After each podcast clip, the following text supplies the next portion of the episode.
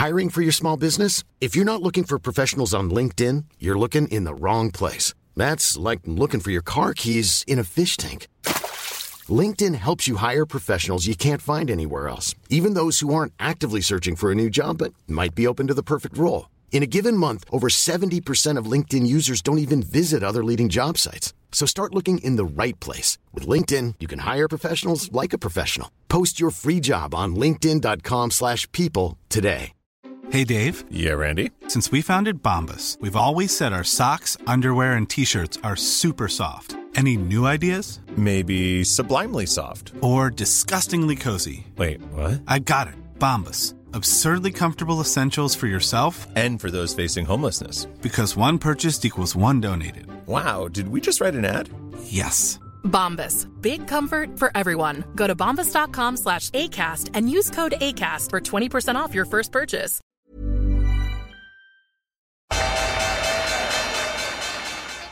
They mistook leverage for genius. Leverage for genius. I would recommend Japan. The governments don't rule the world. Goldman Sachs rules the world. Velkommen til en ny episode av podkasten 'Tid er penger'. En podkast av med Peter Warren. Sorry. Jeg har vært litt syk noen dager. Ehm, eh, I dag eh, blir det Hva blir det? Tiårets siste episode. Det er en uh, milepæl i seg sjøl. Ja, og du sitter her med tannverk. Tannverk og litt tett nese. Ja. Uh, og før vi skal starte i dag med aldersrytta og oppsummering, og vi har noen ting vi skal trekke fram som, som også ikke bare er en årskavalkade, skal vi introdusere vår partner i podkasten har vært med fra dag én, uh, som er IG Markets. IG er en nettmegler for private investorer og tradere som er veldig aktive i markedet. En sånn typisk lytter av uh, Tid er penger, så godt egnet meglerhus hvis du har lyst til å trade. Hos IG kan du handle alt mulig av aksjer. Norske, utenlandske aksjer. Like lett å gå long som short. Uh, og nå med tanke på at vi er på ekstreme topper, så er det jo mange som sitter og, og lurer på muligheten til å gå short. Og her har du, uh, her har du vide muligheter for det. Du kan også handle i uh, eksotiske råvarer. Appelsin, konsentrat, sukker osv. Eh, tusenvis av forskjellige instrumenter.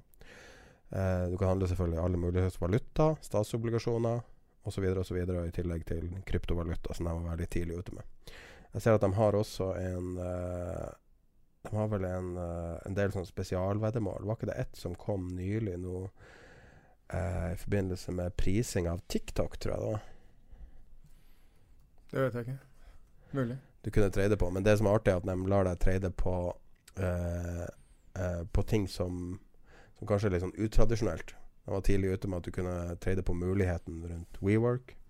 Du hadde muligheten for, for eh, prising av Uber. Du kunne trade krypto før du kunne trade noen andre plasser. Så det er mye interessante ting der.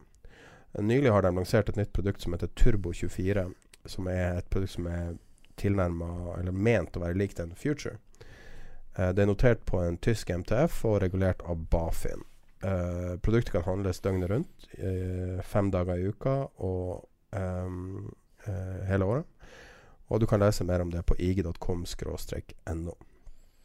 Eh, vi har tidligere i år vært i Stockholm og snakka med Erik Hansen fra IG Markets. Og har et lite utdrag fra samtalen som spilles i sin helhet i slutten av podkasten. majoriteten av bolagen.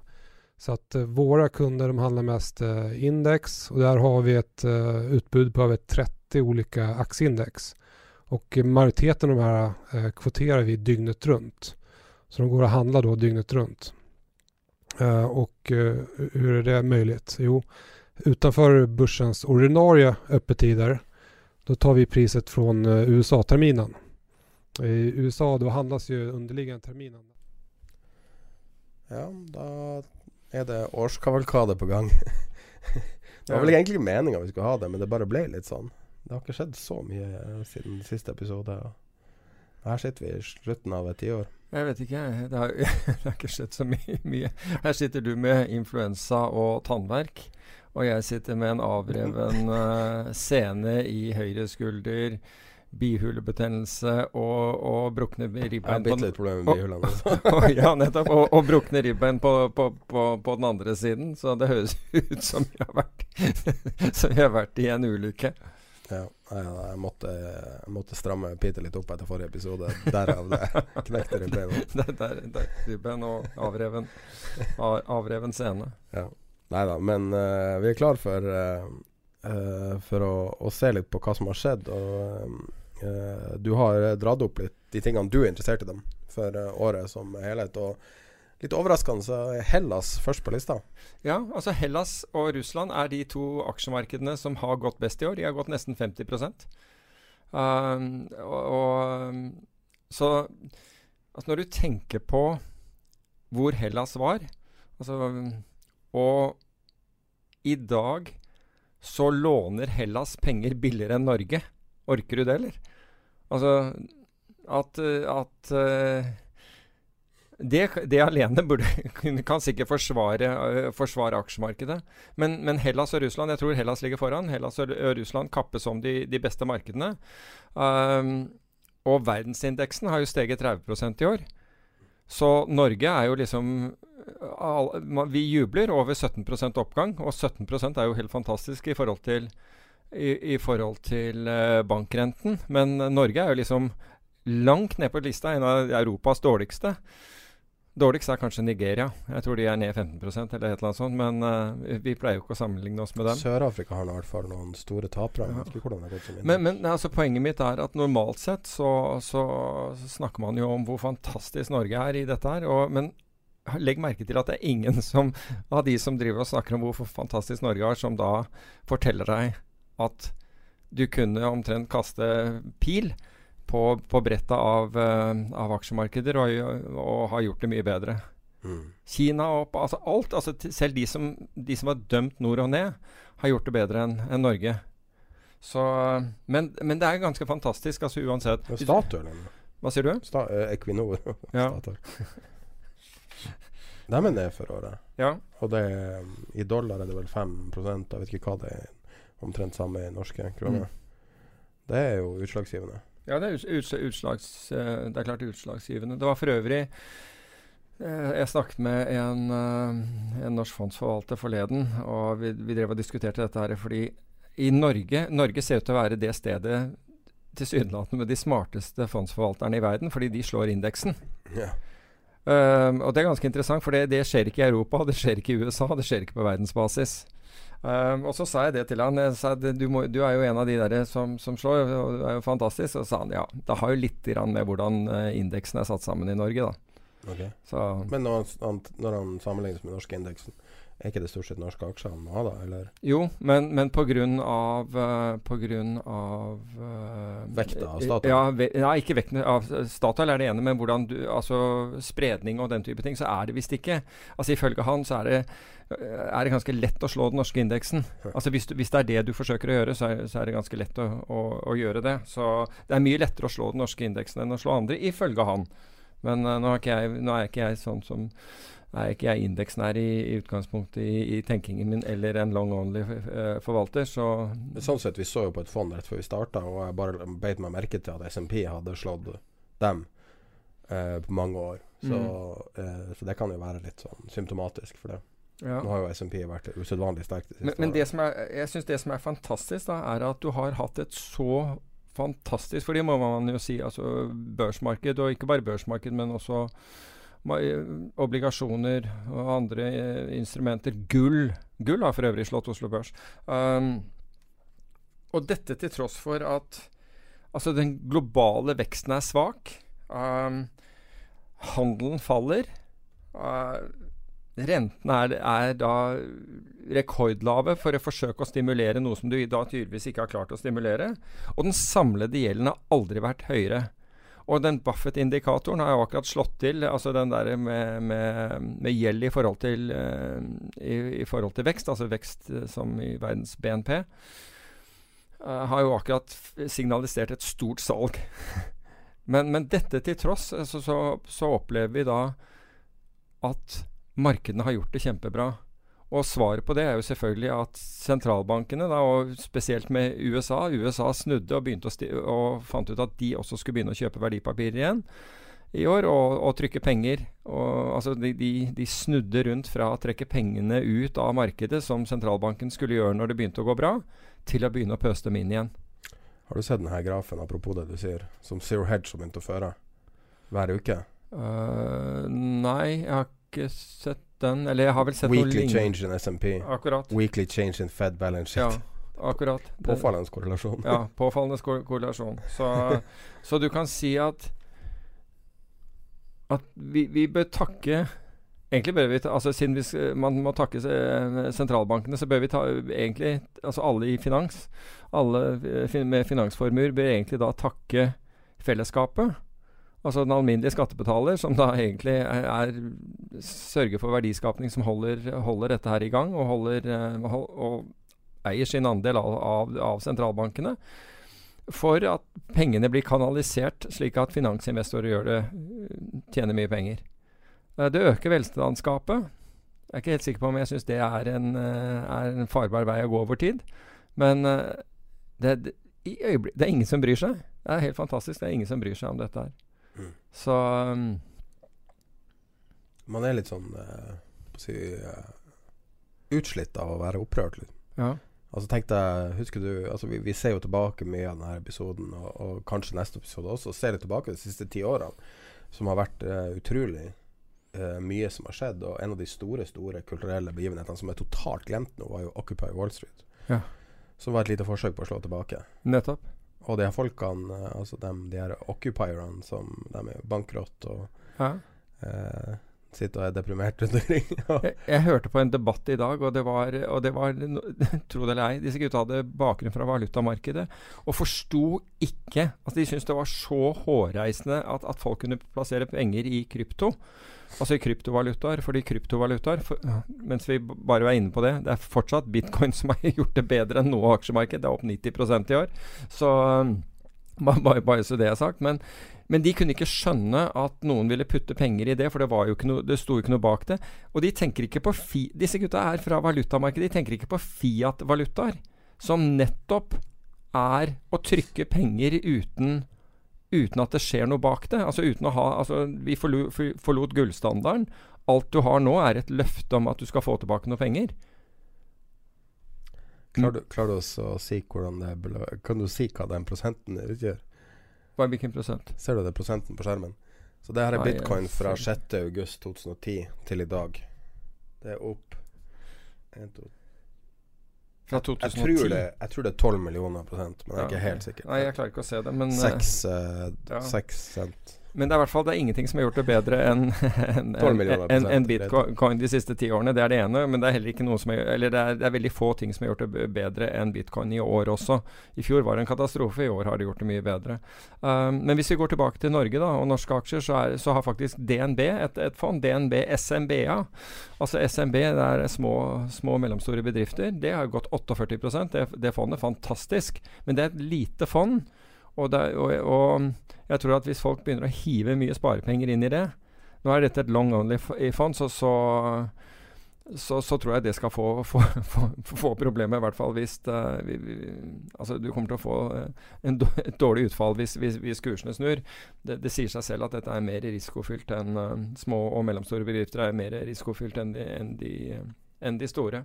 Det er litt artig når man googler DNB SMBA. Da får man bare opp Samba-relaterte resultater. Da får du hva for noe? Bare opp Samba-relaterte resultater. Ja. Drum and bass og Samba. Ja, det er, eh, men det er, det er litt sånn samba eh, Altså De som er investert her, tror jeg nå Ja, det er jeg tror Samba. nok de, Der tror jeg samba, sambarytmen sitter løst. Så det, men, så det har gjort det veldig bra. Så, så tror jeg Storbrann har eh, nummer to på listen, eller kanskje nummer tre.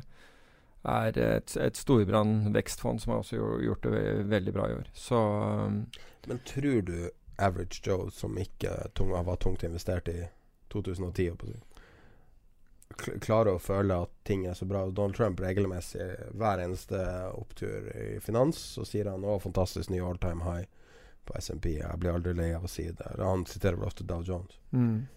Uh, men så er, altså, hvis du ser på den utviklinga f.eks. For, for det amerikanske folk de siste ti årene, virker jo å ha gått veldig veldig feil vei, der du har reduksjon av venta levealder ganske ikke ubetydelig heller. Mm.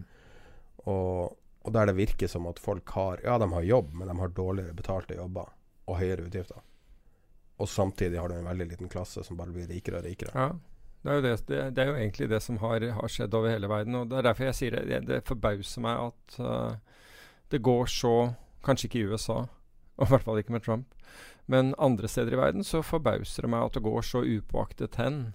eh, det som skjer, nemlig altså den, denne, denne stimulien til eh, Som gis, og som i veldig stor grad begunstiger um, de, de, med veldig store formuer. I valutamarkedet så har vi også for øvrig hatt sånn en litt annen utvikling enn en noen så for seg. fordi jeg så akkurat nå at uh, Jeg husker ikke hvem det var som refererte. Jeg tror det var faktisk Financial Times. Som en av de dårligste investeringene i år har vært norske kroner. Og det var visstnok en av de mest anbefalte valutainvesteringene du kunne gjøre på begynnelsen av året. Det var norske kroner. Og Bank America ledet, uh, ledet an i, i, i, å anbefale norske kroner. Og norske kroner er, er blant de som har gjort det dårligst. Men når det er sagt, så har jo norske kroner bråsnudd i desember.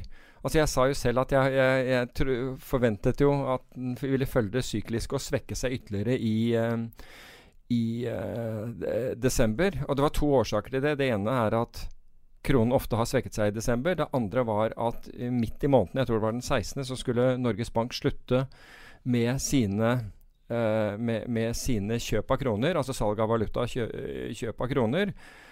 Uh, men tvert imot. Altså Norske kroner har jo i løpet av desember tatt igjen mesteparten av svekkelsen. Um, årets svekkelse. Det har jeg ikke fått med meg. Så, og det har gått fort, altså. Ja, Dollaren er ned på 8,78. Ja, ja, ikke sant. Etter å ha vært, etter å ha vært 9, over 9,20, ikke sant. Og, og euroen over 10,40. Ja. Den trenden du foreslo i oktober, er jo nå på in the money. ja, veldig in the money. Altså, men jeg skulle gjerne ha, ha solgt uh, mer valuta, kjøpt kroner selv, enn det, det jeg har gjort. Men jeg har iallfall fått, fått hedget bort, uh, bort den risken jeg hadde. Men jeg, jeg lette etter å, å, å, gå long norske kroner. Um, og av, av, de grunner vi opplyste tidligere, bl.a. Uh, den positive rentedifferansen som har vært både på Altså alt fra norske statsobligasjoner som, som, fortsatt ikke gir like god rente som amerikanske. Men hvis du skulle diversifisere Men det er få statsobligasjoner, i hvert fall europeiske og med noen soliditet, som gir, gir tilsvarende rente som, uh, som norske. Og det er som de, altså når, når, Hellas låner penger billigere enn Norge da er, det er greit nok at de låner i euro, men uh, da er vi ute å kjøre. Altså, da, da, er, det et misforhold i verden. Ja. Så, men det er altså største, altså, i, mine øyne, fra en sånn Eh, på å si sofaperspektiv, da, så vil jeg si at en av de mest feilprisa assetene i verden akkurat nå må jo være norske kroner. Jeg kan ikke forestille meg hvordan, på hvordan rasjonalitet man har kroner på det svakeste nivået noensinne. Ja. Hvis du sammenligner med statlig soliditet. Altså, jeg skjønner at likviditeten har en premie, men mm. hvor stor er den premien? Ja. Og SMP, eh, SSB skal jo eh, starte en studie nå av hvorfor i alle dager krona er så svak. Og det har jeg aldri hørt om. Altså, Nei, men, men, men altså, DNB, og den refererte vi til, den, den, eh, DNB, DNB, hadde jo gjort en undersøkelse på dette, bl.a. og sammenlignet um, spredden, altså kjøp-salgs uh, Altså differansen mellom kjøper og selger i norske statsobligasjoner. Ja. Med kjøper og selger i f.eks. i tyske statsobligasjoner. Og det er så vesens større altså For det første er det det norske markedet altså statsobligasjoner, eh, antall i omløp, det er så lite i forhold til i, i disse andre markedene, slik at det er vanskelig f.eks. For, for store investorer å gå inn her. Det er ikke noe vanskelig å gå inn, men vi, altså, hvis det blir en trend av det, så blir bevegelsene veldig store. Og det har vært en trend av å, å selge norske kroner og selge svenske kroner. Og, og jeg tror nettopp at idet dette snudde, så har mange av disse trendfølgerne måttet bråsnu seg og kjøpe tilbake kronene sine. Vi har diskutert det her en tre-fire-fem ganger siden podkasten starta. Norske kroner har ikke vært så stort tema, men det har kommet opp en tre-fire ganger. Og De første gangene så sa jeg at, at min teori var at, uh, at folk ser på Altså amerikanske investorer ser på norske og svenske kroner som det samme. Du har Scandis, that's mm. it.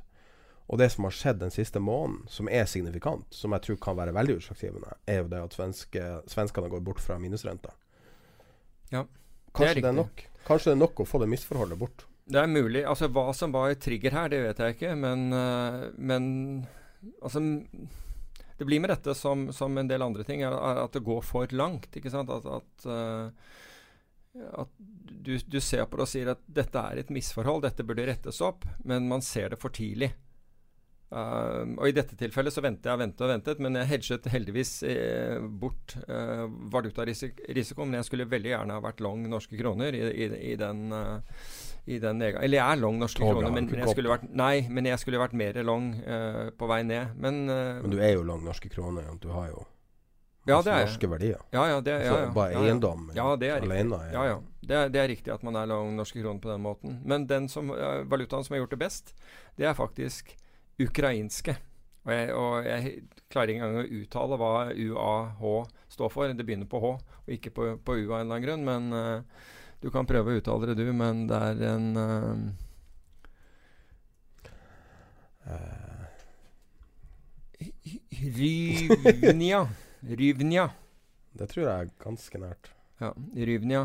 Og den, har, den Ryvniaen har jo outperformed både euro og, og dollar, så Ryvnia er er hvor det ligger. Vent, her har vi pronunciation. Herivnia. Nei, det kan ikke være riktig.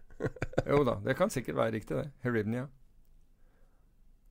Så Ja, det er en ganske lukka valuta, bare sånn intuitivt, vil jeg gjette. jeg, vet, jeg, vet ikke, jeg har aldri handlet, handlet den. Men har jeg, har handlet Nei, veldig lite eh, eksotiske valutaer. Jeg har handlet eh, eh, brasiliansk real, og, og så har jeg handlet kinesisk, men og russisk. Men utover det tror jeg Men da ja, handler tyrkisk. du kinesisk offshore? Ja. Du kan ikke handle direkte? Nei, altså vi, vi hadde Hvordan var det? Vi, vi, hadde jo en svær opsjon tilsvarende 125 millioner dollar, faktisk. I RNB? Ja. Så Og det var uh, Hvordan priser man det? Da må du jo prise det offshore? Nei, du, altså greiene er, at, er, jo at du Det er som du sier, du kan ikke ta, ta, levering, så du må jo handle da med en kinesisk bank. Altså, for, altså ut den opsjonen. Okay. Så For du får ikke tatt levering. Men, uh, Men deres offshore jeg, jeg RNB tror hadde, Jeg tror det var en ettårsopsjon, til og med. Men deres offshore RNB, blir det det samme som eurodollar i praksis? Blir det det samme som eurodollar Tenk, Nå tenker du eurodollar sånn som Altså eurodollarproduktet, ikke ja, eurodollar. Så offshore, sånn, sånn, ja, offshore. Sånn som det, ja, det var jo rent, det var en renteinstrument i sin tid. Eurodollaren um, Ja, jeg er ikke sikker. Jeg må tenke litt. Ja, nei, jeg bare springer det på det. Var ikke det. Ja. Men det er interessant. Det, er jo RMB kontra CNH, ikke sant. Men det er jo en interessant ting som vi ikke hadde tenkt å ta opp, men som da kommer. Det er jo den der fri, frislippet, eller begrensa frislippet av kinesiske markeder mm. som kommer med nyttår. Gud vet hvordan, hva som blir å skje med det, men det vil jo være signifikant på et eller annet vis på størrelsen av markedet. Ja, bare se på, på, på, på gjelden i, i, Kina for tiden. Så det er jo mange ting som, øh, som øh, blir spennende der. En annen ting er uh, du, du har kanskje sett at at Russland, Kina og Iran skal ha en felles militær øvelse i, i, i Gulfen, altså i Oman-gulfen. Det kommer til å bli en interessant sak, det også. Russland, Kina og Oman? Iran. Iran. Ja, utenfor, utenfor Oman. Ja, så uh, det, det, Du kan si at uh, Og Russland har jo sagt at de fra 2000, altså fra 2020 altså uh, andre eller, tre, altså, eller fjerde, fjerde, kvartal, eller blir det? Jo, fjerde kvartal neste år, ja. kommer til å selge våpen til Iran. Og de kommer til å prise en del olje, oljekontrakter i euro også. Ja, jeg, jeg, vet Jeg vet ikke om det kommer til Jeg er litt sånn tvilende til at det kommer til å være utslagsgivende. Han har vel sagt det mange ganger ja. også, men nå skal de, tror jeg de skal gjøre det for første gang. Men vi alle benchmarker ut Altså, jeg tror det blir bare et valutaspill. Jeg tror rett og slett at du Altså, det kommer til å være dollar I starten, kanskje, men Ja, men jeg, altså, det, er, det, er, så mange ganger jeg, jeg har sett det der, og og hørt en eller annen si Ja, hva, hva, skal du gjøre nå? Fordi nå kommer gull til å bli prist i, i rubler.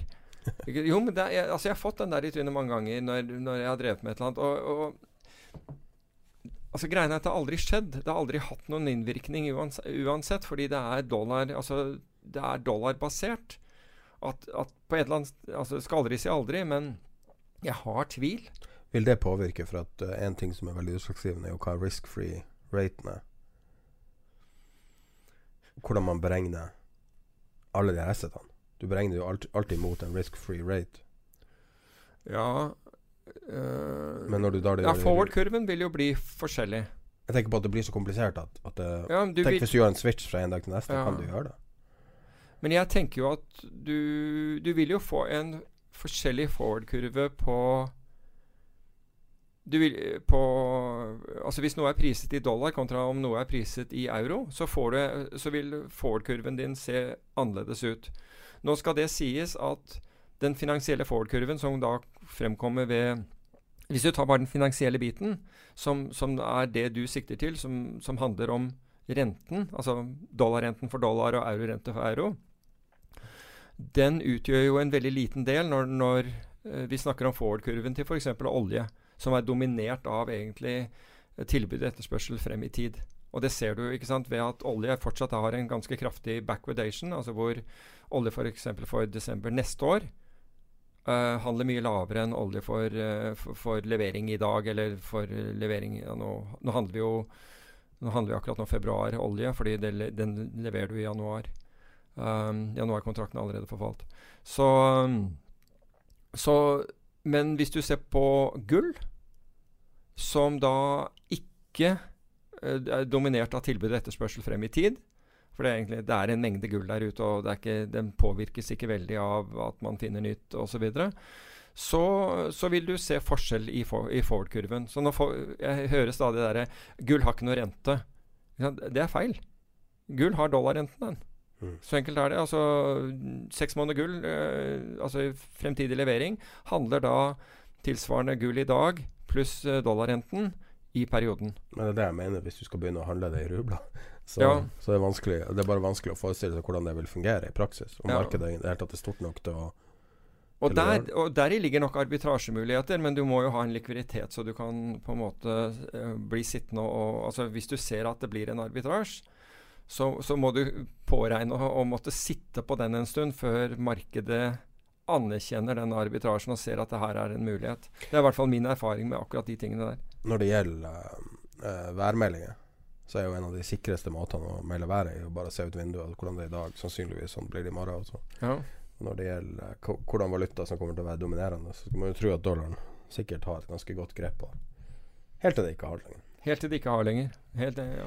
Har du sett det her grafen eh, som jeg delte på eh, den man chatten chatten på Discord? Nei, det har jeg ikke gjort. Det er normalfordelinga av eh, mainland eh, Ja, Den ene er kanskje firma. normalfordelt, den andre er ikke det. Ja, den til venstre her. Vi, det legger det ut i beskrivelsen av podkasten og på, på Facebook-gruppa også. Den andre er ikke, den til venstre er ikke Nei, det er kinesiske mainland-registrerte firmaer, og da hvordan de går, altså om de går i pluss eller minus. Oh, wow. Det er ganske påfallende eh, rett strek ned på null.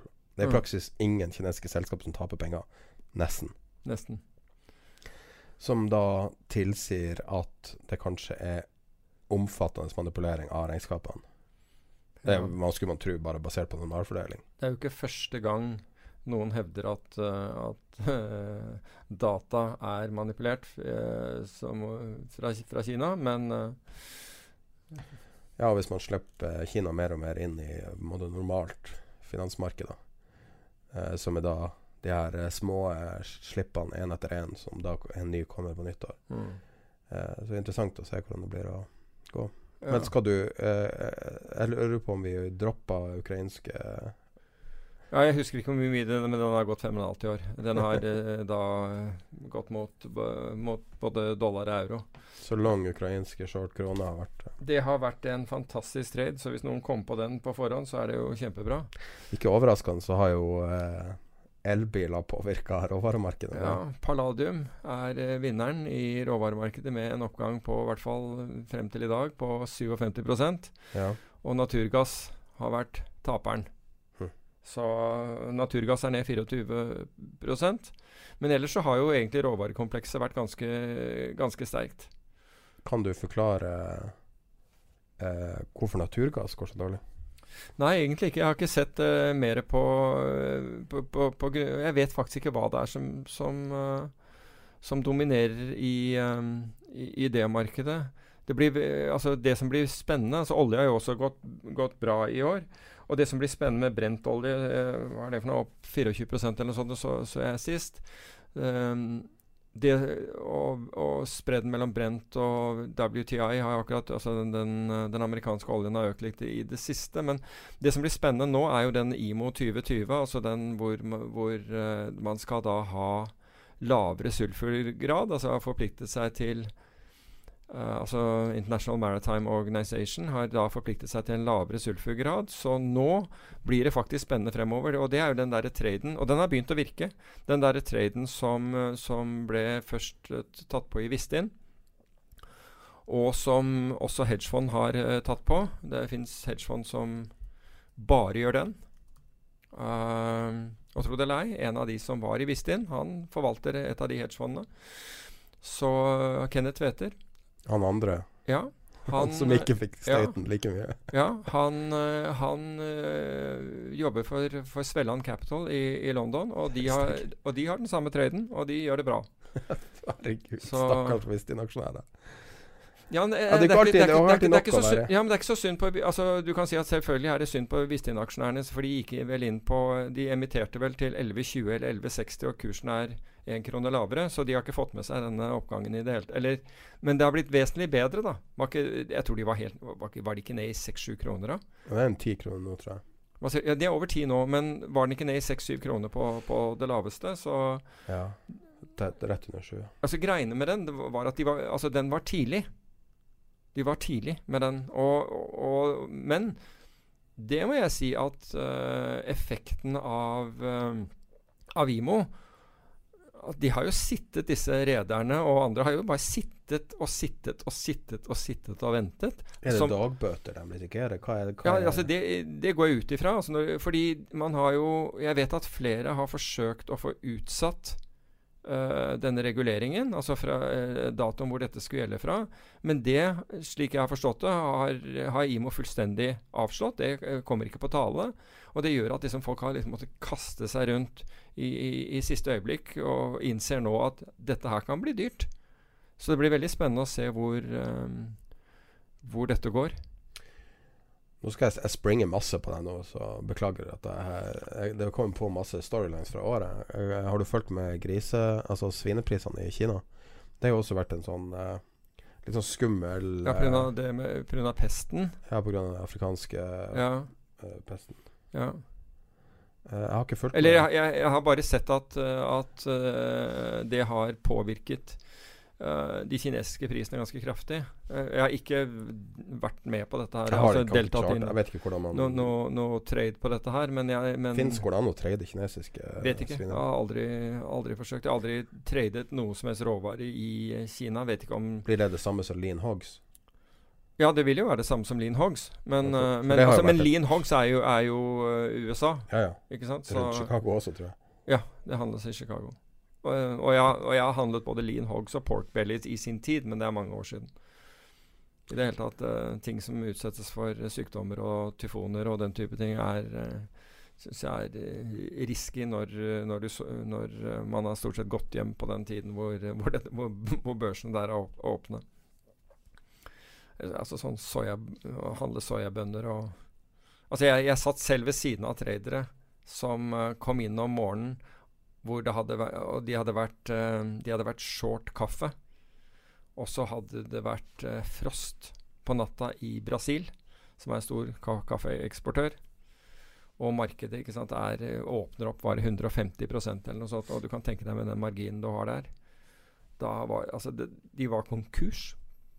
Våkna, altså kom, satte seg på desken, og idet det åpner, så er det bare limit opp, og de er konkurs. Ferdig bare å samle sammen uh, pennalet, blyant, viskelær og, og bilde av uh, kona eller mannen. Var, de fleste var menn i de dager. Og putter i en pappeske og gå og snakke med banken. Dra hjem og selge hund? Ja, for, nei, for det, da, det, var helt, det var helt vanvittig. Altså den, den lærdommen og det derre det, den, det, så jeg veldig tidlig i karrieren når jeg satt der borte veldig veldig tidlig så opplevde jeg denne, denne saken. Det var lenge før jeg liksom hadde begynt å touche uh, Jeg handlet nesten kun metallet på det tidspunktet. Men det, men det der uh, satte respekt, altså. Tenk deg um, hvis uh, Hva han heter Nå husker jeg ikke hva han heter. norske energitraderen Einar Aas. Ja. Hvis han hadde sett det og tenkt eh, limited liability company above eh, Altså sett opp tradingkontoen din bak et AS ja.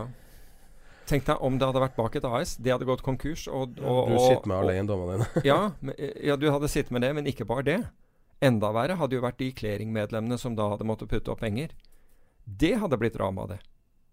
Istedenfor at, istedenfor at han puttet inn penger og puttet inn penger til han ikke hadde mer, hadde det der rast over ende, og, og han hadde vært et AS, da hadde du sett eh, finansinstitusjoner og banker slite, altså. Det der fikk mye større oppmerksomhet i utlandet enn det fikk i Norge. Ta nå bare se på belåninga til fiskere i Norge. Ja. Altså Hvis du går og ser på de enkeltstørrelsene på de lånene der Ja. Det altså Ja, du kan si at det Men er differensiert, liksom, men da må du virkelig håpe at én, at det ikke blir tørt. Altså det, er, det er ikke, blir ikke svart hav. For da rammer alle. Ja, kro Ok, la oss si, la oss si da kjøre et scenario. Uh, du får uh, et lite prisfall cross the board På fisk. Ja. og så får du en 25% kronestyrkelse. Ja. Masse folk til wiped out, garantert. ja. Det kan være det. Men, for dem har jo Altså, jeg, jeg, vet ikke, jeg vet ikke hvilken leverage man Det er stor. OK. Den er okay, stor. Ja. Så um, Redere har Altså, det er jo Det er jo Ja, jeg skal ikke Men øh, liksom type 900 millioner kroner i lån. Liksom. Altså det er Størrelseorden på de lånene er helt enorm. Så relativt Altså Det er jo det som er poenget hvis du er en hvis du, La oss si at vi, det er jo en, en, et selskap vi skal touche på senere, som er kanskje årets store Eller en av historiens comeback, er Tesla. Hvis du ser på den bransjen der, der du har bilbransjen, der du har 6% margin i snitt det er det. Det er en lavmarginbransje. Og det betyr at hvis du gjør én feil på 6% så er du wiped, altså så er det overskuddet Ja. wiped out. Så du må være ganske nøyaktig med dine, dine handlinger. Hvis du er Google, som kanskje har 80% margin uten Jeg har ikke sjekka det, men det er, Mm. altså det er type software-margin. mm. Eh, eller et software-selskap, så har du 80-90% margin. Eh, da kan du gjøre masse feil, men det vil egentlig Altså, det vil ikke være så synlig.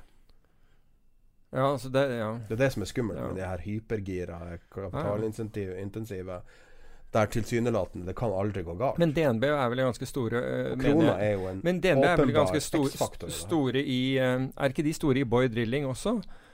Jeg mener det fordi jeg mente at DNB var en av de som som krevde at Trøim ble sittende i styret uansett Altså krevde styreplass for han. Det mener jeg jeg leste en artikkel om. Jeg håper jeg ikke tar, tar feil nå. Um, og hvis du ser Det var Bookrunner og Lead Men, men Ja. det var en private placement de hadde i 2018. Ja, men, men, og, men jeg mener at det var nå i, eh, i 2019 hvor, hvor det fremkom at de insisterte på at De er veldig bullish på bare Ja, ja, men, men, men at Trøim ble, ble, ble, ble sittende i, i, i styret. Og det er jo han som er på en måte primus motor bak, eh, bak Boy Drilling. Men hvis du ser på Boy Drilling, du snakker om, om, om disse rederne. Altså Boy Drilling jo da, eier jo da en hel rekke rigger. Men i tillegg til det så, så kjøper da eh, så, så går selskapet, altså fordi Trøim kjøper da eh, seg opp i, i en hel haug andre riggselskaper. Så det er ikke bare at du har Borr sine rigger som eh, ris risikoen på det, men du har risikoen på alle andre eh, selskaper sine rigger òg, fordi man har gjort total return swaps, altså man har kjøpt futures på en rekke andre selskaper.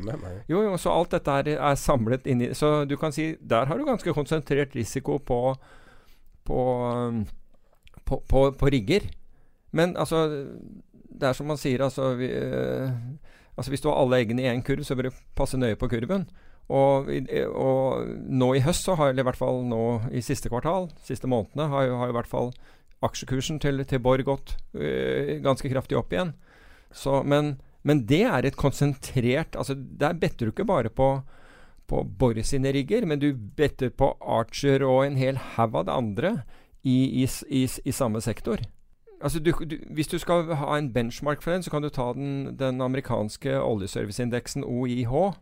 Og der ser du at det er en høy korrelasjon mellom det som skjer i Borr og OIH, bare at Borr gjør det dårligere enn OIH, antageligvis fordi den er giret enda mer enn OIH implisitt er giret fordi selskapene er giret i, i, eh, i, i, det, i den bransjen. Men det er jo giring, så det er jo det ordet som kommer igjen og igjen. Jo, men du skal overleve. Altså, du skal Ja, det er det jeg mener. sant? Så- det er giringa som er problemet i alt og alt. alt Giring er, er, er, ikke sant? Det er det som gjør deg superrik, men det er også det som gjør deg slår deg konkurs også. Men se nå i dag. Ja. Normalt så ville jeg kanskje ikke ha vært så obs på at uh, Nasdaq var ned Altså i dag 30. desember så var det ned, Nasdaq ned på det meste 1 Mm. Uh, og ehm, Som høres i utgangspunktet ganske uskyldig ut. Men når du da ser hvor eksponert folk er, hvor monstergira relativt stor del av, uh, av traderne er, og, og investorene er, sånn at folk får margin calls på 1% Ja. Det vil si at 1% kan være 100% Altså det kan være alt. Ja, nesten. Men, men det, er, det er ganske interessant å se, for dette, dette ble jeg oppmerksom på i øh, en artikkel hvor en, en påpekte at det var blitt mye flere gap openings i USA. Og en gap opening det er når børsen åpner et annet sted enn det, der den stengte dagen før. Det er, ikke, det er ikke uvanlig at børsen beveger seg, men, men normalt sett så åpner den i nærheten av det, og så går den videre, eller den krysser det området hvor den var øh, dagen før. Men det er, det er økt antall sånne gap openings. Og det, har, og det vi har sett i det siste, er også plutselige, ikke minst i dag, hvor det bare renner ned. Altså det, det, I det øyeblikket det begynner å gå nedover, så er det ikke noe likviditet. Da ser du bare likviditeten forsvinne. Og ta f.eks.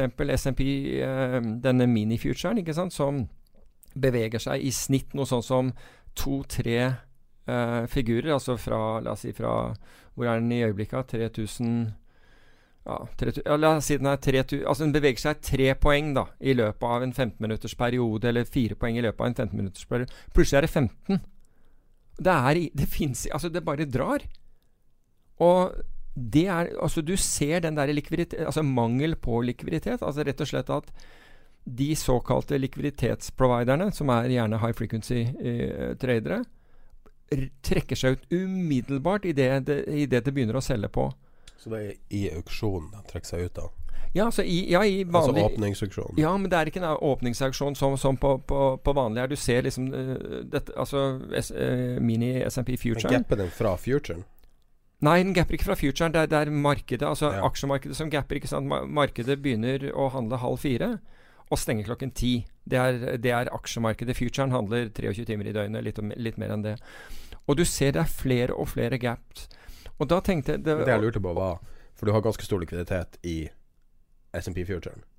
Og det jeg lurer på gapen fra det, Altså du, du ofte bruker å sitte og følge futuren her Ja. til det åpner.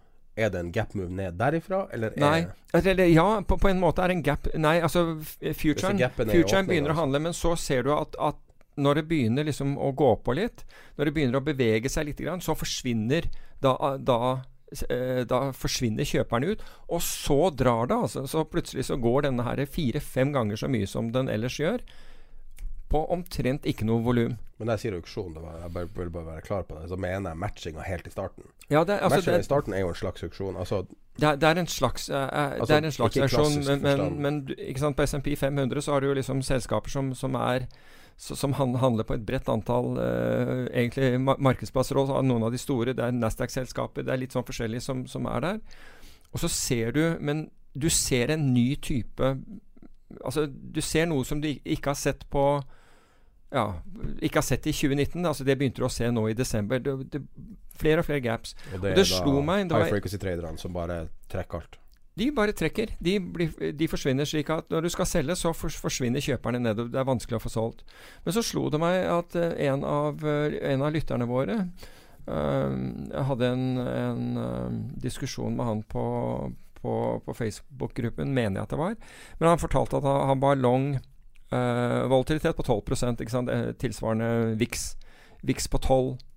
Og så tenker jeg ok. Og så så jeg på dette her, og da var jo Altså Brexit-avgjørelsen var, var borte. Kina-avtalen var kommet i gang, som egentlig ikke er veldig mye. Der, det er jo ikke mye du får ut av den. Den gjelder jo ikke intellectual property, den gjelder jo ikke noe av det, de viktige tingene.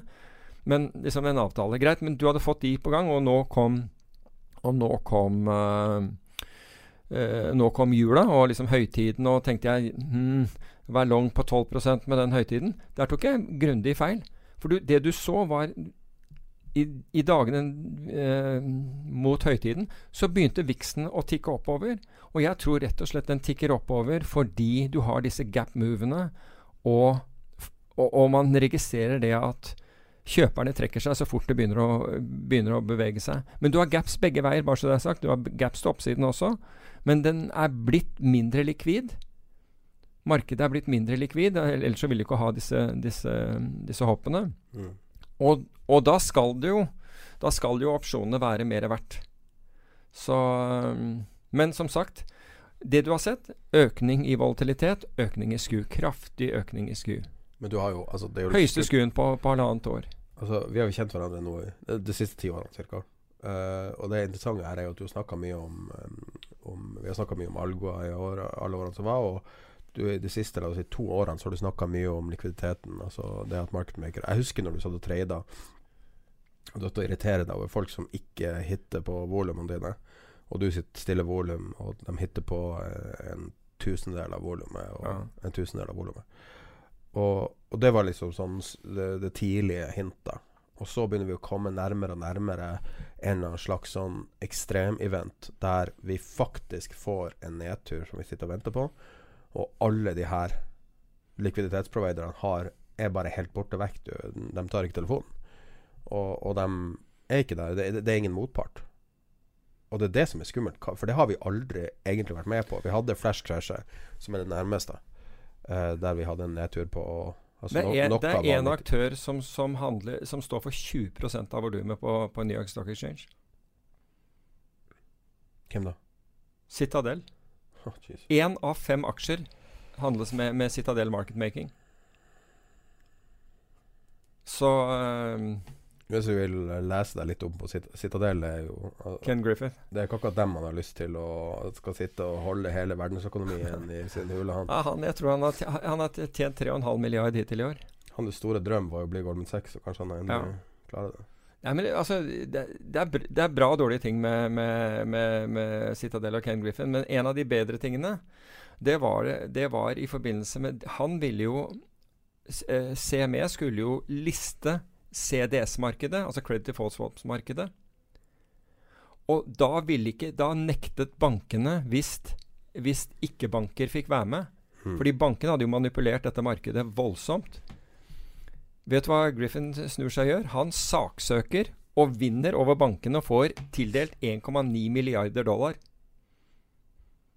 i søksmål. Fordi Altså, men greiene er Jeg kan ikke forestille meg at Kate Griffin er good guyen i noen Nei, altså jeg sier, nei men, men, du kan si Det er det jeg mener, at hva skjer når det her smeller? Det er det. Ja. Når det virkelig, virkelig går galt. Og det du har advart om, egentlig på en måte, så lenge jeg kan huske Eh, og der, man, man, sitter jo alltid og fantaserer om hvordan neste krise ser ut. Det er så lett, og det er så, det er så lettvint å være sånn um, Sånn Cassandra som står og, og, roper om alt elendighet som kommer, så ingen som vil høre på deg. Og så, mm.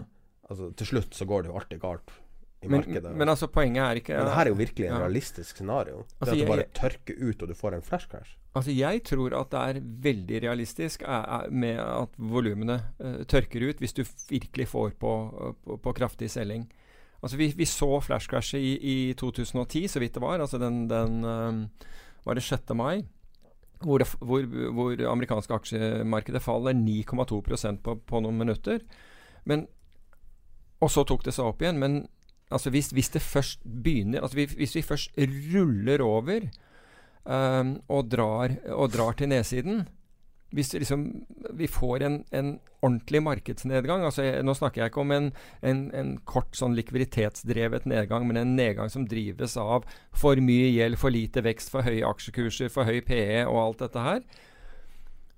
Og det, dette ruller over, så tror jeg at hvis, det, hvis du kommer til det stykket der, da tror jeg du skal ha, da, da tror jeg du skal ha, øh, ha fingrene av fatet. Altså for da jeg, fra det jeg ser, at det trekkes ut umiddelbart. Og ta f.eks. valutamarkedet. Der så vi jo et eksempel med sveitserfrangen da i, i, to, i, januar 2015. 40% bevegelse fantes ikke altså etter, etter, noen minutter. Men da var det jo en reell hendelse? Først. En hendelse, ja. Men du kan si at her, det kan også komme en, en, en hendelse her. Jeg men, tenkte Kuwait-krigen. Det er Ja, men hendelse. poenget mitt er at hvis, du, hvis det fins en ordentlig grunn, da, ja. fins en ordentlig grunn, Donald Trump dør. så- Ja, ikke sant? Ja. La oss si Nei, men la oss si det. Noe stort. Litt, Noe helt uforutsett. litt, litt, litt usikker på hvilken vei kursene går da, men, eh, men eh, Ja, men det vil være usikkerhet, det mener jeg. Altså, det, det vil være er. usikkerhet. Men, men du kan si at Noe du ikke klarer å forutsi at skal skje. et, ja, et eller annet sånt stort, og så, fin, og så altså Idet dette begynner å tilte over, så vil jo folk si Ja, men herregud, å, gjelden er stor, og inntjeningen er lav, og da, da plutselig rasjonaliserer man og, og, og finner forklaringer på hvorfor det akkurat skjer nå. Men vi visste ikke at det skulle skje akkurat da. Vi visste jo all, om alle disse tingene som vi har visst om i et år. Men det har jo gått bra. Men poenget er nå at man må jo Altså strukturen av markedet har, har endret seg voldsomt. Det er fem banker i verden som stiller priser i valuta. Ikke sant? Altså, og ingen er egentlig forpliktet Altså Hvis de skrur av, så skrur Altså hvis, hvis, disse skrur av som de gjorde med, med, med sveitserfrangen, så er det et svart hull. 40% Altså er det noen som tenker på hvor stor Altså hvor enorm den bevegelsen var med, med, med sveitserfrangen? 40% i en av de store valutaene. Tenk deg da i et mindre likvid marked. Tenk deg dette scenarioet. Det kommer en ny nyhet à la det. Et atomvåpen er sendt. Uff. Et eller annet. Et eller annet eh, La oss si at eh, noe helt sinnssykt som at eh, flyet til, til presidenten plutselig er borte. Eller et eller annet. Mm. Noe helt uforutsett. Så har du ehm, eh, På SMP-futuren så har du limit, eh, altså limit-reglene. Og eh, der de stopper handelen. Mm. Og med 7% nedgang så eh, Så stopper de handelen. Jeg vet ikke hvor lenge de Nei, det er ikke så lenge. Ikke med 7% men, Du er level 1, og så med 13% så stopper de Jeg tror det er en halvtime, Mm. eller noe sånt. Og så med Level 3 så stenger de vel for dagen. Ja, det er 20 Altså Ja. lim, limit down. Mm. Liksom. Hva skjer i en verden med limit down? Det er det jeg mener. Ja. Altså, man har aldri hørt om limit down i noen marked. Du, du må huske på at liksom, hvis den første limiten, da, den som er på 7 ikke sant, som er helt en, Det vil være en helt enorm bevegelse i forhold til hva vi er vant til i dag. Men la oss si at du, du, i, at du stopper handelen i en halv time. Hva tror du skjer i den halvtimen? Det, det kommer til å være en million margin calls i løpet av den timen. I, i løpet av den halvtimen.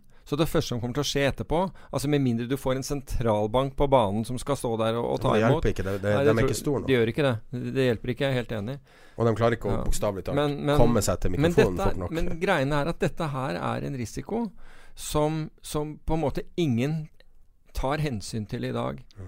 Altså for det, altså vi, vi har gjort så mye. Vi har overregulert. Altså det er blitt mye dyrere for finansforetakene å, å drive business. Det er blitt billigere for privatinvestorer. Privatinvestorer kan handle ikke sant? Det er billigere altså Hvis du er liten, så er spreddene mindre. Kurtasjen er omtrent borte. Altså, det, det, er det, det er jo flere som har null, null kurtasje nå. Det var det siste var jo flere amerikanske som gikk ut med null kurtasje. Ja, nå er det, det er den nye standarden. Ja, ikke sant? Så, så du selger heller order orderflowen din på den, den måten. Og men, og giring. men, men, mens, ja, mens, ingen har, mens man har gjort nær null annet enn å, å sette inn limitregler for å begrense liksom nedsiden og sørge for at det er lik likviditet. En, ingen bryr seg om likviditet. Og vi snakket om det sist når det gjaldt Her er en artig anekdote, hvis jeg kan dra den imellom. For vi snakket jo om dette når det gjaldt kredittobligasjonsmarkedet i Norge. Nå så jeg de feire seg selv, og nå har de utstedt mer kredittobligasjoner i Norge. altså Volumet har blitt rekord, ny rekord i år. Og ingen bryr seg om at det ikke finnes et annenhåndsmarked som fungerer. Men det, det morsomme der er Jeg bare dra denne her. I 1987 da opsjonsmarkedet liksom, da, da jeg satte i gang det, så, sven, så ville svenskene gjøre det samme i Norge. Svenskene hadde hatt stor suksess med det i Sverige. Og meglerhusene hadde tjent veldig på dette markedet. Det gjorde at norske meglerhus var veldig interessert i Plutselig kom på banen og alle skulle være Det var tre storbanker og 52 meglerhus. Hadde alle fått dollartegn i øynene og skulle starte dette markedet. Ikk- og vet du hvorfor? De regnet på at hvis, hvis de tok skyhøye kutasjer, så vil bli, alle bli rike av omsetningen som foregikk i det markedet. Det var ikke det der at 'Å, så bra at vi har et marked, et nytt marked, her kan investorene tjene penger'. Det var mellommannsapparatet skulle tjene penger.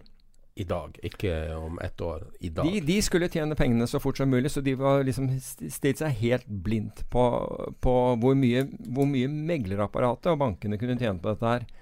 Så er det interessant, fordi det er ingen som gjør en døyt i Norge for, for å forbedre kredittobligasjonsmarkedet, annenhåndsmarkedet for selskapsobligasjoner. Og nå så jeg også en jeg tror det var en analytiker eller en forvalter i uh, uttalte seg om det og var bekymret for det i avisen her forleden dag. Akkurat det vi hadde snakket om.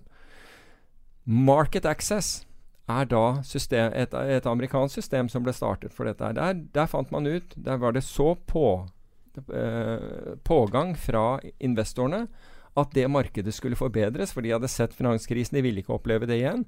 Så man startet noe som het Market Access, som er en elektronisk markedsplass. Som norske meglere sier det går ikke an når det gjelder den type obligasjoner. Men i hvert fall man har klart det i utlandet. Og masse av meglerforetakene har, har eh, er da aksjonærer i dette her. Den aksjen har gått 84% i år. Så kanskje noen av dere som sitter der ute og sier at dette ikke funker og kan ikke fungere i Norge, burde, burde tenke dere om. fordi hvis dere nå skjønner at dere kan tjene penger på selve markedsplassen, så tenker jeg, eh, så tenker jeg at, det blir en, eh, at det blir mulig å gjøre det. Da tror jeg ikke vi hører det at nei, det egner seg ikke for, eh, for elektronisk handel. Men er ikke det TradeWeb også som kunne Jo, komme det, til jo, Norge? det er flere. Det er flere. Liquinet og TradeWeb og et par andre. Ja, jo. Jeg lurer på om Bloomberg har en sånn, eller er det kun fasilitering? Jeg tror, jeg tror ikke de har en direkte handelsplass for det. De har jo det på aksjer, og de har det på valuta, men I hvert fall mange muligheter Ja, hvis man har det, lyst. er mange, det, ja, altså, det hadde vært gått an å, å liste opp disse selskapene, så, så folk kunne se det. Fins det Så det er iallfall en mulighet. Men det var en dig digresjon til det. Men vi får jo virkelig håpe at uh, at uh, også to, 2020 blir øh, at, at det ikke skjer noe for, forferdelig i, i 2020. Men legg merke til hva, hva som skjer i USA. Se på, bare se på det markedet. Se på de gap-åpningene. Og se hva som skjer når dette begynner å gå til nedsiden. Hvor fort det faller, kontra når, når, det stiger. Markedet er ikke like sunt som det var altså for, for et år siden eller to år siden. Når var det sunt sist? Nei, det, det kan du si, men jeg syns vi, vi, har sett en, vi har sett en marker, jeg, jeg vi har sett en, en, en klar endring nå inn i um, Fra begynnelsen av desember. så Men helt seriøst, altså, var ikke det en eh, Var ikke det en eh, manipulering av markedet i uh, panikk av mm, 1907-1909, når JP Morgan sto og, og, og var buyer of last resort? Nei, det var i 19, det var i 1929, det. Nei, nei. Det var, nei, nei, det var før. Nei, når, når, når JP Morgan går på gulvet og sier at uh, The House of Mor Morgan Ja, men det var, han, gjorde, han gjorde det flere ganger. Nei, nei, det var han. Han som gikk ut på gata. Er ja, ok, men da har han gjort det Men han gjorde Altså, jeg mener i hvert fall i altså det 2930-krasjet. Da gikk han ut på, på gulvet og sa JP Morgan, The House of Morgan uh, Er er kjøpere. Så, men det er, det er godt mulig at det skjedde før også. Men det jeg mener at man har alltid hatt en eller annen form for manipulerte markeder. Det har vært litt andre form, former for manipulasjoner. Også sentralbanken ble jo stifta i 1913, tror jeg. Og har jo alltid blitt beskyldt for å manipulere ting. Men, og det er jo på en måte det de gjør også. Så, så det er jo en lang historie for, for å manipulere. Og det har jo gått bra på et eller annet vis. Ja, men det er jo det vi gjør i dag også. Altså, vi driver jo altså, ved, ved disse verdipapirkjøpene så er det jo akkurat det man gjør i dag også. Kontinuerlig eh, sp sprayer um, Altså trykker penger og, og, og putter det inn i finansaktiva. Der.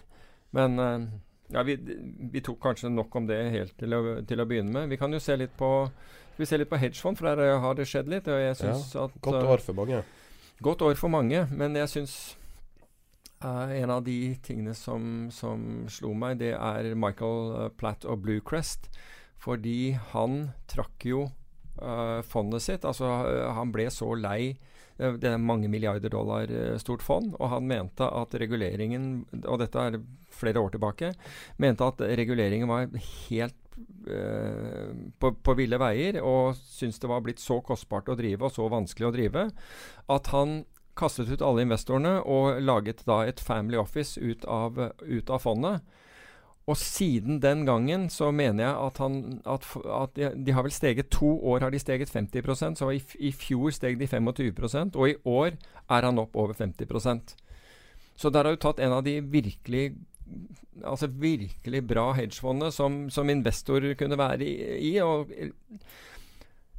Ja, det var jo slutten Og- og av 2015 og kansellerte ja, det. Ja, riktig. Gjort det rett og slett umulig for dem å, å, å, å drive. Og så har de liksom en vanvittig su suksess deretter. Og Hvis du tenker deg sånn rent sånn inntektsmessig, så tjener han vel sannsynligvis nøyaktig det samme. Hvis han har 50% år.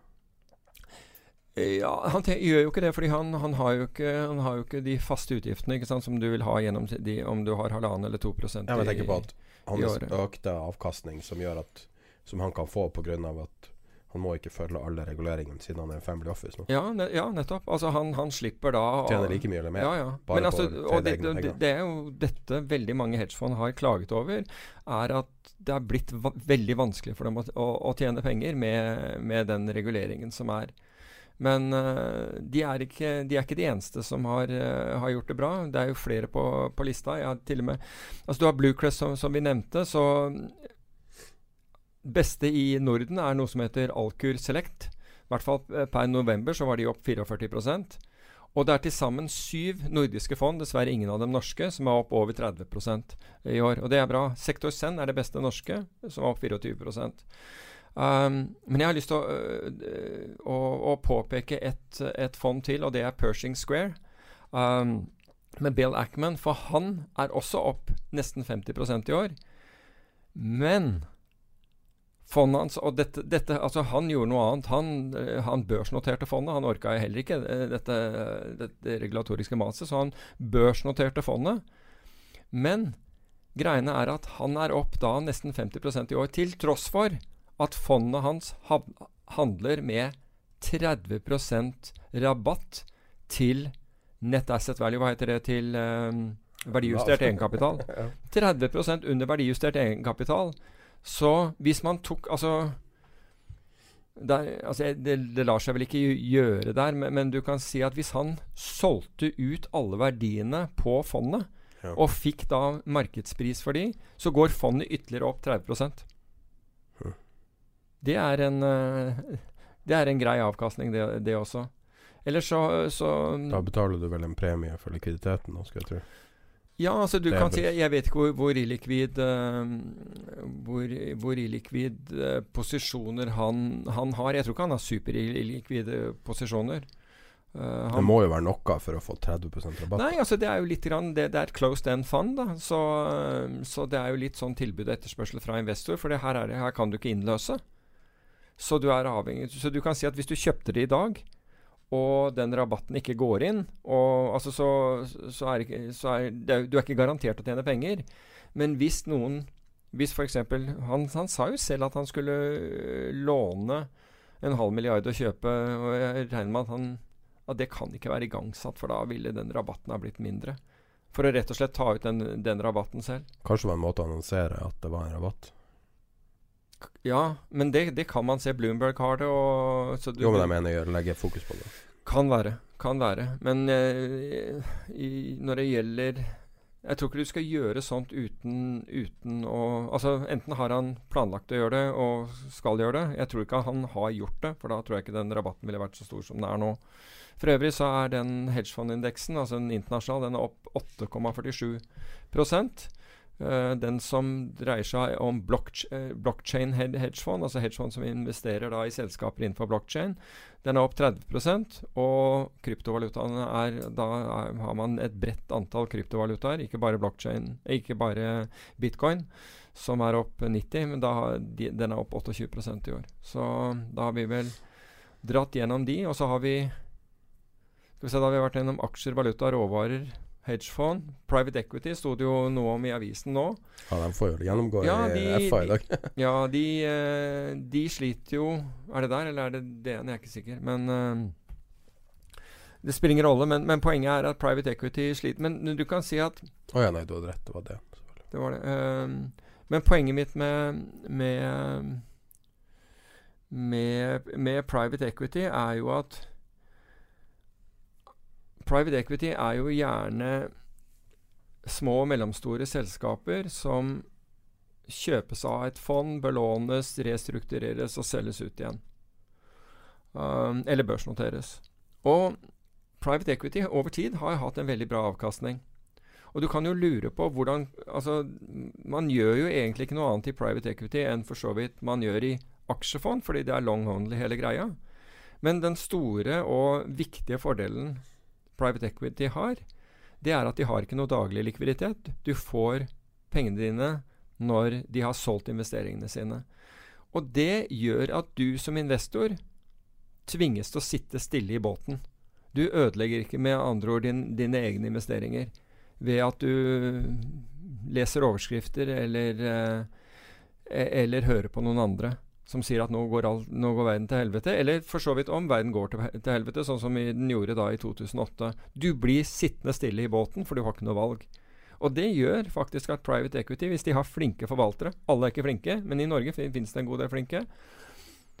Klarer å skape verdier. Altså de får roen til å skape de verdiene som de, eh, som de forsøker. Så private equity har en enorm fordel på den måten uh, overfor vanlige aksjefond Egentlig så altså det, det, er ikke dermed altså De er jo my mye mer aktive. Forvalterne i private equity-fond er jo mye mer, uh, mye mer, aktive i å utvikle bedriften, eller bedriftene som de, de kjøper, enn et aksjefond som kjøper børsnoterte uh, selskaper.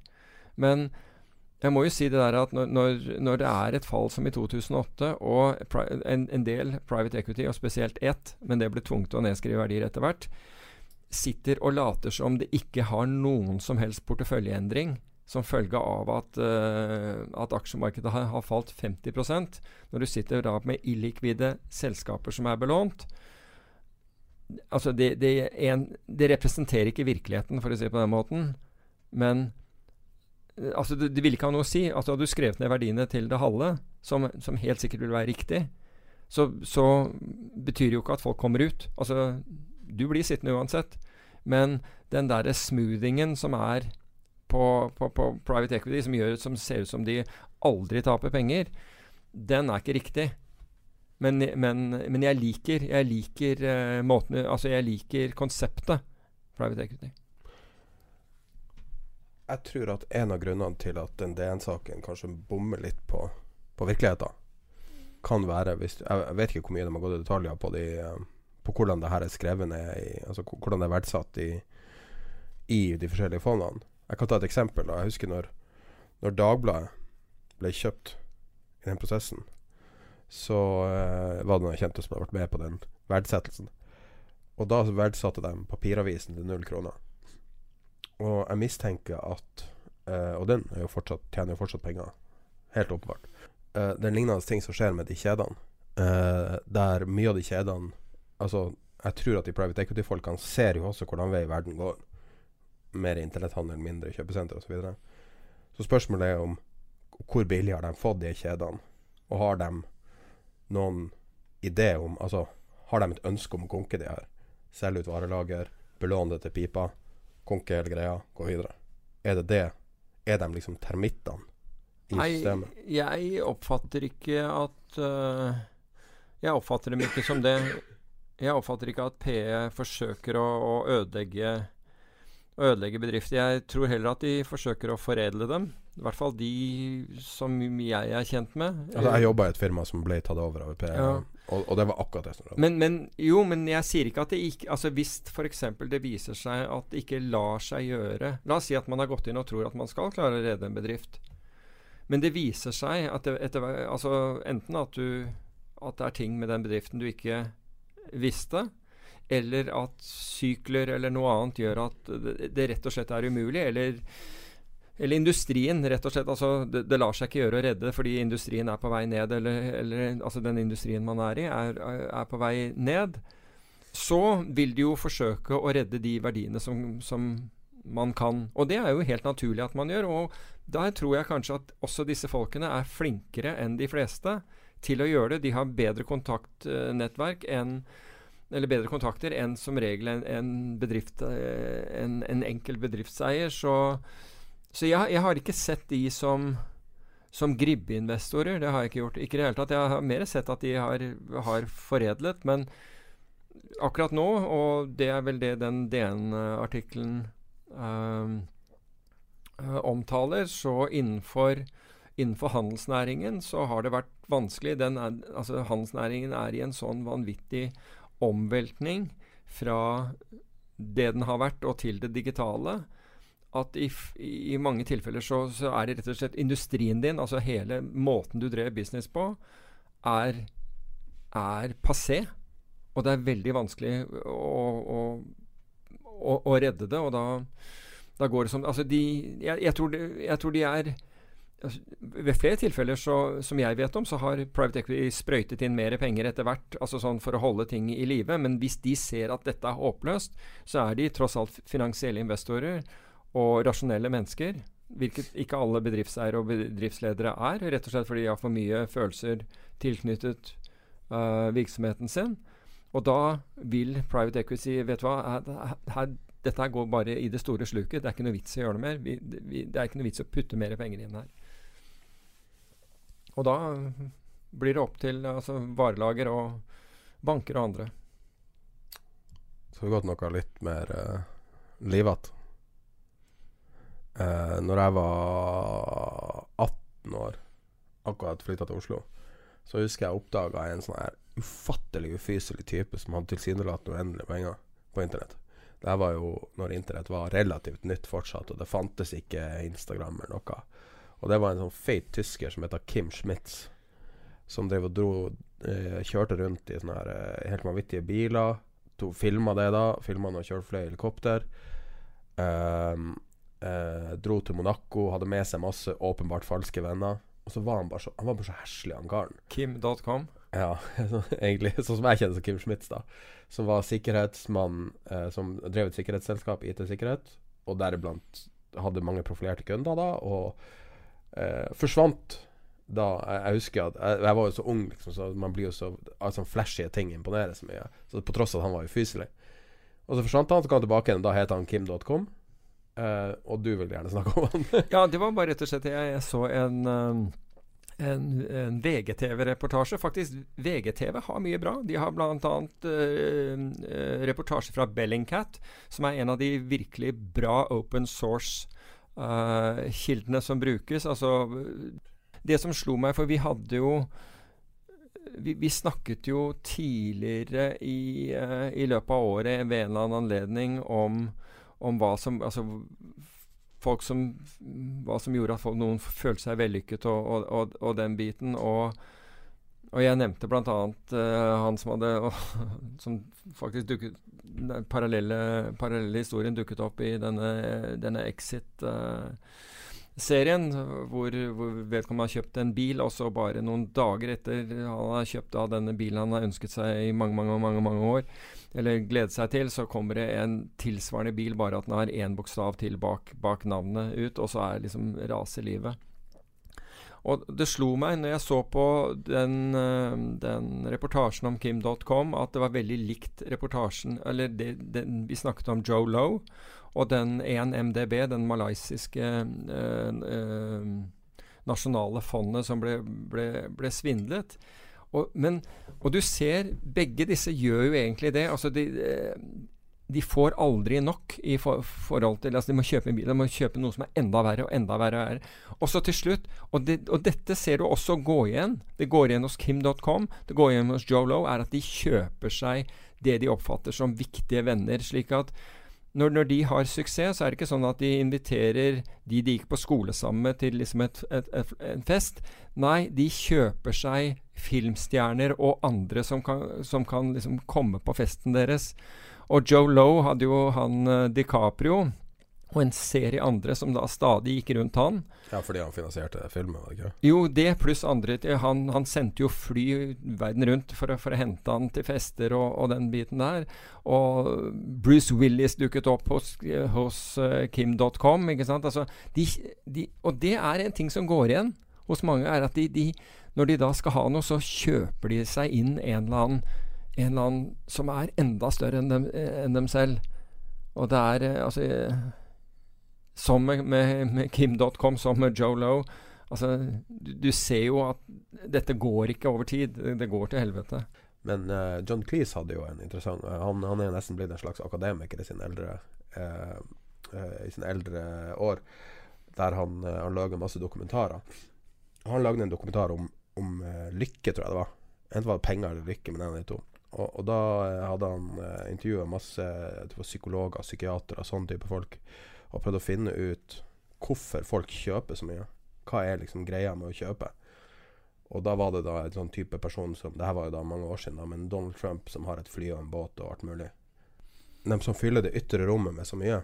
Eh, og han hadde, han hadde et veldig interessant eh, kommentar på det, og det var at, at de hadde ikke et indre liv.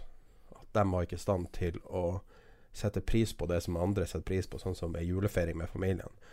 Og bare sitte der uten å, uten å gjøre et nummer ut av det, uten å legge ut en livestream, eller uten å Eh, men, men, å gå en tur eller være med familien eller bare ha en lat søndag De har ikke stand til å føle det.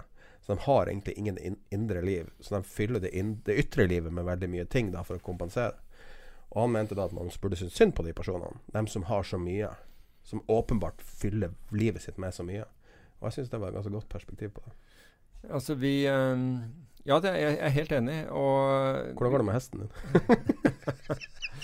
At den, den, har, den, har, klart å den, ja, For det første er det min datter sin, men uh, den har da klart å, å sparke av hesteskoen på begge, begge bakbeina. Og det er ikke så bra når det er is. Så det er akkurat en, eh, en Men nei, du oppleves ikke som en person som ikke er i stand til å sette pris på små ting? Nei, altså i dag så har, har, har mye av dagen gått med til å finne ut hvordan Altså, hesten skal, blir sluppet ut hver, hver, dag, og det er glatt så det holder. Så det er ikke en bra situasjon. Det der med Og hovslager er, eh, er ikke å få tak i akkurat i øyeblikket, så, så Det er vel sikkert mange av dem ute på bygda, skal jeg tro. Er, no, hesten er ikke på Bygdøy. hesten er ikke på Bygdøy. Uh, det er på sommerstedet, Peter? Nei, det er den ikke. Hesten er okay. Hesten er i Sørkedalen, hvor veldig mange Hvor det fins mye staller og, og, og Nei, vi, vi kommer fra litt forskjellige verdener. Og det er derfor det er litt artig. Og jeg er veldig, veldig altså, jeg kan, jeg, kan, altså, jeg kan ingenting om hest, bare så det er helt, helt klart. Jeg kan ingenting om det. Uh, men, uh, men forsøker da å lære meg. Men jeg skjønner at en hest som da veier noen hundre kilo, hvis den går Altså ikke en ponni, den st er stor. Hvis den går over ende på isen, så er, så er, det potensielt katastrofalt. Så i dag har, har en datter funnet uh, grus og strødd og herja holdt på i, i håp om å Det bygger Det bygger Altså det bygger hva det heter karakter å måtte holde på sånn der. Ja, det, det gjør det. Men hvis jeg bare får gå tilbake til chatte, nei, jeg skulle, gå, nei, jeg skulle se hva bo, boken og Den Joe Love, siden vi snakket om okay, Kim.com. Og, den bo, og den boken er faktisk veldig bra. Den heter eh, Vi snakket jo om den her, men jeg hadde glemt tittelen på den. Den heter 'Billion Dollar Whale'. Ja. Den boken som er om, uh, om uh, Joe Joe Lowe og det at det svindlet dette malaysiske oljefondet. Og den er altså Tatt i betraktning alt som har skjedd etterpå, altså med andre ord at uh, de har um, jeg tror malaysiske myndigheter klarte å ta arrest i, i båten. Og nå tror jeg man fa, og, uh, Han har jeg tror Han har vel betalt noen hundre millioner dollar til, til amerikanske myndigheter mot å ikke innrømme skyld. Goldman Sachs har innrømmet skyld, og det er første gang de har innrømmet skyld i noe, bare så det er sagt, og forhandler nå om å har tilbudt malayserne to milliarder dollar i erstatning, men de vil ha syv. Så det er en del ting som skjer rundt det. Men hvis man skal ha hele historien, så heter det boken 'Billion Dollar Whale' og, og fins da på, på, Amazon og Audible og alt mulig sånn. Det var det jeg hadde. Jeg, jeg lette etter når når jeg var på telefonen.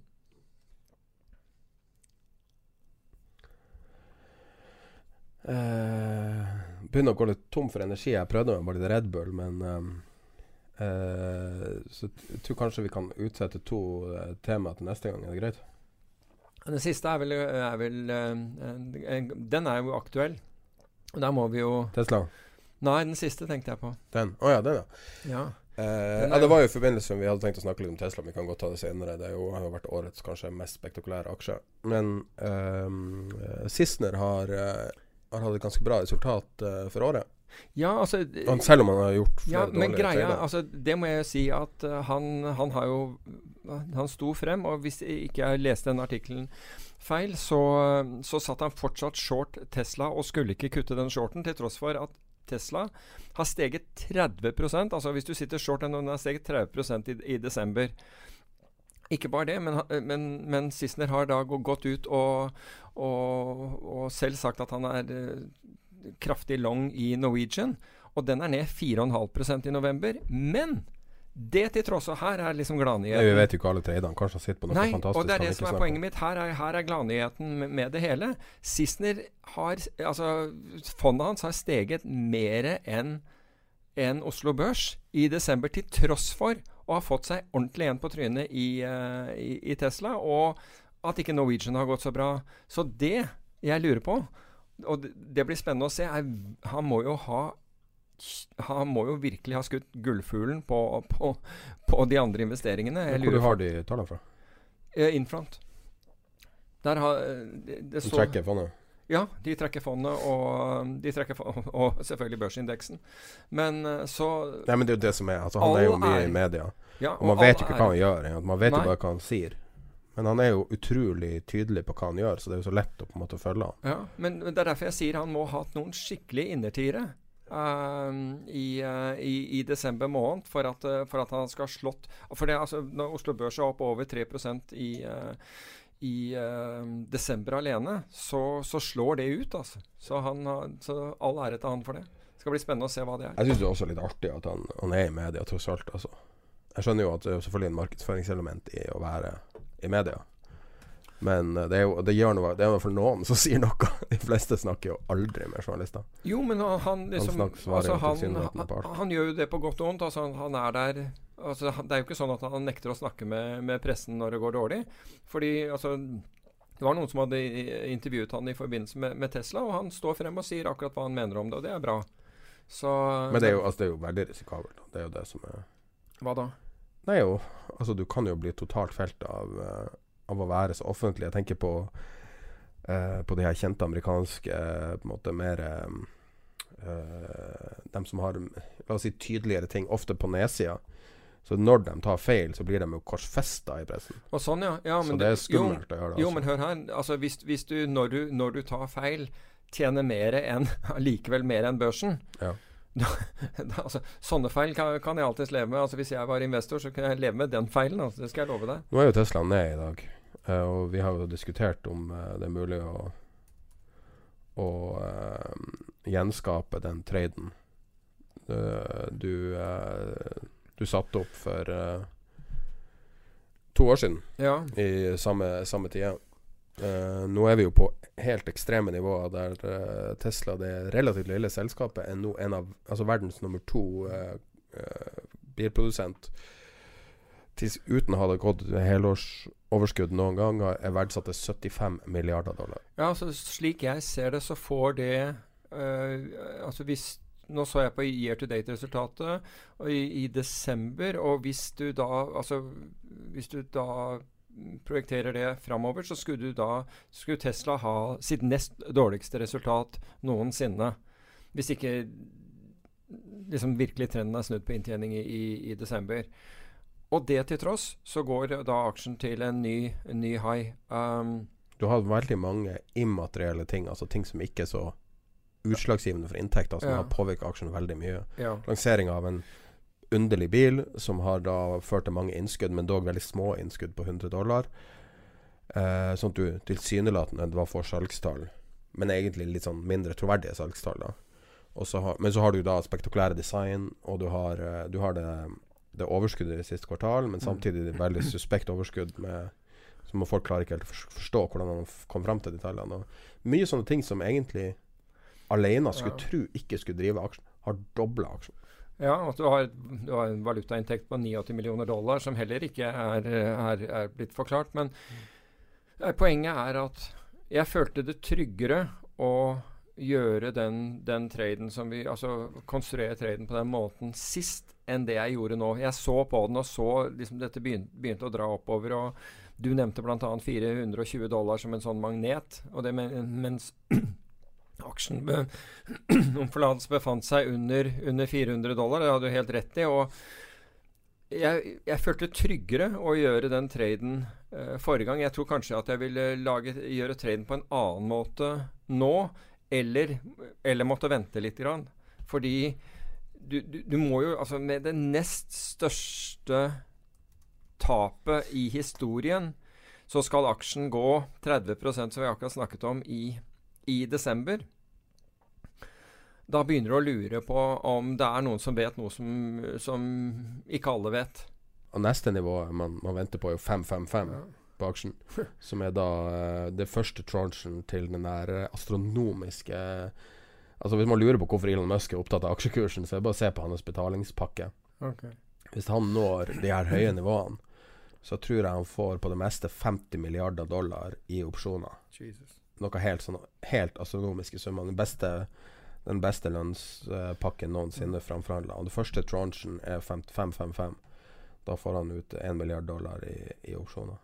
Men det, det, jeg la merke til, det var jo, og jeg tror jeg sendte det over til deg, det var at SKU, altså eh, opsjonene begynte å bli priset annerledes på, på Tesla. Vi så at eh, Ja, både opp og ned. Ja, både opp og ned. Altså, så opsjoner som har innløsningskurs, altså kjøpsopsjoner som har innløsningskurs godt over dagens kurs, og salgsopsjoner som har innløsningskurs godt under dagens kurs, ble begge priset veldig høyt. Um, og mye høyere enn at the money, altså opsjoner som er uh, på dagens kurs. Uh, så, så, og det har skjedd i den, den, siste tiden. Og jeg ville jo intuitivt sånn ellers ha trodd at uh, det ville skje med salgsopsjonene, altså out of the money salgsopsjoner. Men tatt i betraktning short altså det, det, minner meg litt om, om Nasdaq i, um, i 2000. For da hadde du faktisk sku til oppsiden i, i, i, Nasdaq. Fordi da var såpass mange short Nasdaq på, på, på lave nivåer. Og så ble de bare altså det ble ble jo båret ut etter hvert som den dotcom uh, uh, uh, manian tok av. Det heter jo ikke det på norsk, men skjønner sikkert hva det, altså galskapen tok av. Slik at man begynte å kjøpe kjøpsopsjoner høyt over markedet, bare sånn at man, altså, at man, ikke ble drept. Altså ikke våknet opp en dag hvor Nasdaq hadde doblet seg, eller noe sånt vanvittig noe. Og det er, Vet du hva short-floaten til Tesla er nå?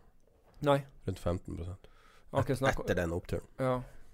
Så den er kommet ned, men ikke så mye ikke så, nei, så folk jeg, snakker om short-squeeze, men det er ikke så stor short-squeeze. Nei, men, da, men jeg gjetter at, at den short-squeezen kanskje er blitt redusert ved at man har kjøpt akkurat som vi, vi, snakker om, altså kjøpsopsjoner med innløsningskurs uh, godt over dagens kurs, slik at du ikke har open-ended risk. Hvis noen kommer ut og plutselig sier at, uh, at, en eller annen har kjøpt Tesla eller et eller annet sånt, det er nesten ikke til å tro at noen gjør, for det, nå begynner jo selskapet å bli såpass mye verdt, men 18,97, sorry. 18. Ok. Så altså da, da Det er jo noen som biter seg fast her, da. Helt klart. Men noe av dette kan også være marketmakere, for alt jeg vet. Herregud, altså. Det er, altså let's face it, markedet er så irrasjonelt som det kan være nå. Når lille, bitte lille Tesla snart er større enn Toyota. ja. Og man begynner å krangle om 50 biler levert hit og dit, og Toyota produserer titalls millioner biler. Altså, det er jo helt sykt. Så sier man nei, det er et software-selskap. Bare OK, greit, men de, det er jo biler de tjener penger på. Ja, det, er, ja, det, føles bare som ja. Keisers nye klær så til de grader, men uh, Men jeg, jeg har også liksom. hatt uh, diskusjoner og, og, om dette, og jeg, jeg, har ikke noe mot bilene, bare, bare for å gjenta det. Jeg syns de er fine. Men, uh, men jeg, jeg, forstår ikke økonomien i dette her. Og da var det en som sa at ja, men han, han kommer til å være den første som setter mennesker på Mars. Ja, men, så, det, er big business. ja, men fortell meg hvordan, hvor, hvor, hvor, hvor, lønnsomheten for Tesla er i det. da, Det, det foregår jo et helt annet selskap. Altså, så, så. Man kan jo si at altså, uh, det som er det store på en måte jokeren hele greia, er jo det at det er et nett, dette her. Så når ting begynner å vakle, så, vak så faller jo alt. Fordi at alt er jo basert på verdsettelsen av Tesla. Det er så mm. utrolig viktig for å holde liv i alt sammen. Men kan du eh, bekrefte det for meg? Så Tesla er verdsatt til 76, var 75 i stad, nå er 76 milliarder dollar. Eh, hvis man da skal bruke tradisjonell verdsettelse av et selskap, da bruker man å si Hvis man skal kjøpe et selskap, så sier man tigangeren ti bunnlinja. Det er en sånn klassisk måte å si det på. Og Så Avhengig av hvor mye du har lyst på selskapet, så hvordan multiple du bruker. Og litt avhengig av bransje. Men la oss si et, selskap som produserer biler, skulle jeg tro at man bruker ti ganger multiple. Jeg vet ikke. Så hvis Tesla skal da rasjonalisere den markedsverdien nå, så i løpet av de neste ti årene så må de ha overskudd på 7,6 milliarder dollar i året. Så roughly litt sånn tett på 2 milliarder dollar jevnt hvert, hvert kvartal fra nå. Ja, og her er et selskap som taper 1 milliard De har tapt 16 Nesten- milliarder nesten. dollar siden oppstart, tror jeg. Ja. Og aldri hadde et helårsoverskudd. Du hadde det siste kvartalet med masse masse Ja. one-offs og, og odde ting. Men da er spørsmålet er Er det noe jeg misser med denne utrolig forenkla tingen? For å forsvare den Ja, altså, det, det kommer prisinga? Ja, en av dem kommer til å la, la meg bli den første som sier det, for en av dem kommer til å si det. Og, det. og det er at de kommer til å si det er den nye økonomien. Og i den nye økonomien, da er jo Nei, du må verdsette som software, det er det de sier. Ja, et, jo, men et eller annet sånt. Ikke sant? Det er den nye økonomien at Å, oh, data. Big ja, data. Big ja. Der har du det. Ja, det er det man alltid blir møtt med. Men de har jo så mye data. Ja, ja, ok, hva skal du gjøre med det? Liksom? Ja. Hvordan skal du gå og veksle det en plass? Altså helt seriøst, hva du skal gjøre med det? Hvor skal du konvertere det til penger? Men det er også selvkjørende biler. Kan jeg avslutte med Det er veldig artig at mens vi sitter og snakker her, så har Magnus Carlsen vunnet uh, Lyn-VM. Og da har uh, uh, Triple Crown i sjakk. Har mester i Fantastisk. langsjakk, eh, hurtigsjakk og lynsjakk. Tapp, jeg husker ikke om han tapte siste Fischer, men han har, han har praksis vunnet alt igjen og igjen og igjen, og dominert. Fulgt Det er med. godt å, å se at kognitive evner uh, verdsettes et eller annet sted. Men jeg kan si det er en veldig spesiell ting som har skjedd her. Så fra forrige VM og alt mulig, og nå, så har én ting blitt publisert, og det er uh, de her um, gamene til uh, AlphaGo, som er Google sin kunstig intelligens, Mm. som Mm. brukte en formiddag på å lære seg sjakk med å spille mot seg sjøl, og så spilte mot Stockfish og vant, som er verdens beste eh, aksje... Nei, uh, sjakkalgoritme. Uh, og da ble tok over. Så uh, Stock, Stock Nei, um, AlphaGo, som er eid av Google, er ikke den en, en all purpose kunstig intelligens. Det er ikke skreddersydd til å spille sjakk. Den først spilte Go, og så har den blitt trent opp etter hvert. Og det den gjør, er at du får inn bare reglene i et system, og så skal den finne ut av beste løsninga. Det som er så artig med å se Magnus Carlsen, altså ref. forvaltere av alt mulig, det er at han har uh, Det er ett trekk spesifikt som han har begynt å spille. Altså Det er snakk om 200-300 år, i hvert fall. Men det er jo egentlig tusenvis av år med, med historie med sjakk. Men 200-300 år med, med sjakk som er dokumentert. Og de har kommet fram til best mulig spillemåte, forskjellige, uh, forskjellige åpninger og alt. Så det er ei åpning nå som tilsynelatende han har endra hvordan han spiller pga. kunstig intelligensen. Og han vet ikke hvorfor. Ingen vet hvorfor den spiller sånn. Men de ser at å spille i, I noen av åpningene så spiller du en bonde på sida fram veldig hardt. I praksis ofrer den. Fordi at det gir 60% vinnersjanse hvis du gjør det. Og det syns jeg er interessant, for det er veldig likt en forvalter som da tar i bruk nye I stedet for å være redd for Veldig mange vil jo uh, var jo skeptiske Som ofrer en annen på backoffice, mener du? Eh, jeg, men, jeg mente det å bruke algoritmer. Men eh, jeg er veldig glad i sjakk, og, um, og jeg synes det, det, er egentlig et ganske stort øyeblikk når du ser han gjentatte ganger da ta i bruk Altså En av grunnene til at han vinner nå, er jo at han tar i bruk Han, han utvikler seg hele tida. Han er aldri fornøyd. Jeg vet jo at han, er, han er nå På et eller annet tidspunkt nå i høst, ganske nylig, så var han også verdens beste sånn fantasy football uh, Han var nummer én på fant altså, av syv millioner mennesker. Wow. Så kom han på nummer én for å spille sånn fantasy football altså i England. Oh. Altså han har, Det er noe unikt med den karen der. Ja, det er garantert. altså, et så Men det er jeg mener, at han tar i bruk nye metoder, eh, i likhet med forvaltere som da går forbi dinosaurene, da, som som, som da i praksis mister jobber rundt omkring. For de sitter og sier at man kan ikke tjene penger med roboter. Ja. Men mens vi er inne på det, så er det litt uh, interessant, fordi Bank of England har nå gjort en, uh, en studie på uh, britiske finansforetak, og der bruker nå 50 bruker altså machine learning, altså kunst, kunstig intelligens. 50% og i forbindelse med det så, så er det jo noen utfordringer, og som man da ønsker å å diskutere med, med finansforetakene om hvordan man, man, tenker disse løst. Fordi de, de vil ikke nødvendigvis reagere. Man er bl.a. bekymret for at øh, den maskinlæringen, maskinlæringen ikke kjenner til f.eks. lover og regler. Så, så, den automatisk handler på ting som Altså den, den, kan tenke seg å automatisk handle på ting fordi den ser at dette er lønnsomt. Så det er, det er en del sånne dilemmaer. Jeg kan ikke forestille meg hva det skulle ha vært. Hva da? Hva, I hvordan tilfelle vil lover og regler påvirke? Nei, Det kan jo være på, på, ting som skal flagges, eller at du ikke kan ta posisjoner i, virkelig, i, visse tilfeller. Altså mange sånne ting. Altså Det man ønsker å å, sikre seg er jo Og tenker på mandat og sånn? Liksom. Ja, er, er kvalitet, altså fordi maskinlæringen går jo der og, og, og surrer i dataene og, og kommer opp med, med handelsstrategier. Men slik at det er jo, det er jo høyst relevant. Ja. Uh, en annen ting er å finne ut hvor Altså hvis det går galt, hvorfor det går, går galt. Det kan jo også være vanskelig gjennom maskinlæring. Men poenget der er at halvparten av finansforetakene i Storbritannia bruker maskinlæringen i en eller annen form.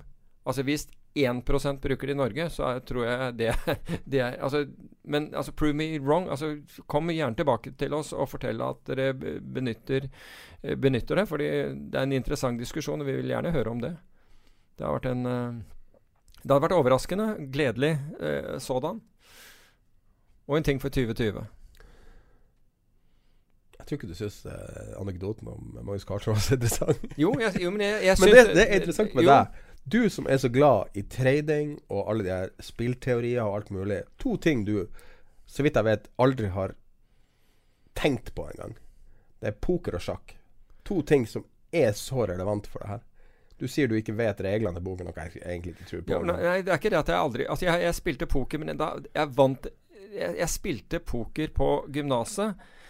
Men han som da skulle da Og det var om en flaske vodka. Isteden fikk jeg Fordi han ikke fikk kjøpt sprit på polet, så kom han tilbake med en jævla bedriten muskatvin. Og siden har jeg ikke spilt poker. Var det her Oslo på Nei, dette var uh, Stabæk på Hva det blir? Jeg, nå, jeg vil ikke fornærme deg. Nei, ja, det, noe sånt noe. Så, men uh, Men uh, Ja, men, men, du har rett. Jeg har ikke det. Uh, det er veldig interessant. Jeg, det hadde vært veldig artig å høre dine refleksjoner rundt det. Fordi jeg føler at det er så mye ting som er overførbart her. Ja, og, det, ja, og man hevder jo at, at det er det. Og ja, det er en av de tingene jeg ikke har fått gjort. Jeg har heller ikke blitt god til å spille gitar. Ja, akkurat det vet jeg ikke. Men nå eh, Vi bør kanskje takke for året, for da er eh, lytterne for det. Takk for året. Takk, eh, takk til Lige, som har vært med oss hele år. Eh, takk til han som hjalp oss å utvikle hjemmesida. Du ser en kontaktinfoen hans nederst der. Eh, nå kommer vi en liten oppdatering nå i løpet av noen dager. Og så eh, kan du gå inn på tiderpenger.com hvis du har lyst til å være med og chatte på um, Vi har et sånn um, For dem som ikke er med, så kan du sitte og chatte si, eh, det, hele dagen, hele døgnet. Uh, der finner du også tilgang hvis du ikke kjenner til Discord. Der får du også link til Discord hvis du har lyst til å være med der. Og så har vi Facebook-gruppe. Tid er penger. Nå har er for litt bredere temaer. Noen tusen mer. folk der, og der kan man uh, kommunisere mellom hverandre. Uh, og så ja. Det var vel Hvis du har lyst til å sende oss en mail, så kan du sende en mail til tiderpengerpodkast.gmail.com. Sjekke Tidus. Uh, ellers så uh, Ønsker vi Takk for et bra tiår. ja. Og ønsker riktig godt nyttår. Godt nyttår. Og så avslutter vi med årets siste avspilling av en samtale med Erik Hansen fra IG Markets. I Skandinavien så erbjuder vi, vi erbjuder aktier, vi erbjuder index, vi erbjuder råvarer, råvaror, valutor, eh, kryptovalutor. Eh, den absolut vanligaste produkten som våra kunder handlar i dagsläget det är aktieindex. Och då är det främst tyska DAX-index som många handlar om. sen är det väldigt populärt också att handla kryptovalutorna. vi har även många som handlar Uh, ja, vanliga FX-par, uh, eh, euro-dollar till exempel. Och sen har vi aktier också. Men på aktiesidan så är vi, skulle jag säga, ett, mest ett komplement till den traditionella aktiemäklaren. de som handlar aktier hos IG, det är mycket på grund av att man kan shorta eh, majoriteten av bolagen. Så att eh, våra kunder de handlar mest eh, index och där har vi ett eh, utbud på över 30 olika aktieindex. Och majoriteten av de här eh, kvoterar vi dygnet runt. Så de går att handla då dygnet runt. Eh, och eh, hur är det möjligt? Jo, utanför börsens ordinarie öppettider då tar vi priset från eh, USA-terminen. I USA då handlas ju underliggande terminen nästan dygnet runt. Den är stängd en kvart sent på kvällen där. Så då tar vi priset från den och sen tar vi hänsyn till kundernas positioner. Så, så våra kunder kan då hedga sina positioner på kvällen, natten eller tidigt på morgonen. Men de kan också spekulera i hur priset är. Det kan vara så att de tycker att Norge 25 uh, står kanske lite för lågt eller för högt innan börsen öppnar och kan då spekulera i att IG har en felprissättning. så att, och sen förutom då index så erbjuder vi då valutor och där kan man då handla antingen OTC eller DMA. OTC är over the counter Eh, eller ska man handla DMA Direct Market Access och då ser man orderboken och allting från interbankmarknaden. Och vi är då den enda CFD-mäklaren som erbjuder Direct Market Access på just valutor. Sen har vi ju ett stort utbud av kryptovalutor eh, och handlar man kryptovalutor på IG så behöver man ingen uh, e-wallet som man behöver ha om man handlar på de underliggande börserna. En annan stor fördel är att du inte har risken att bli hackad. Eh, du har ju hela tiden motpartrisk om det handlar hos någon underliggande bitcoin eller kryptobörs. Då. Eh, och det är själva processen att komma igång och handla med kryptovalutor är väldigt enkel och snabb eh, på IG då, jämfört med många andra ställen. Sen har du råvarusidan. Vi erbjuder nästan 40 olika råvaror. Eh, allt från eh, ja, oljan och guldet som är väldigt populärt men även, men även lite mer exotiska råvaror som kanske apelsinjuice eller eh, socker och majs och så vidare.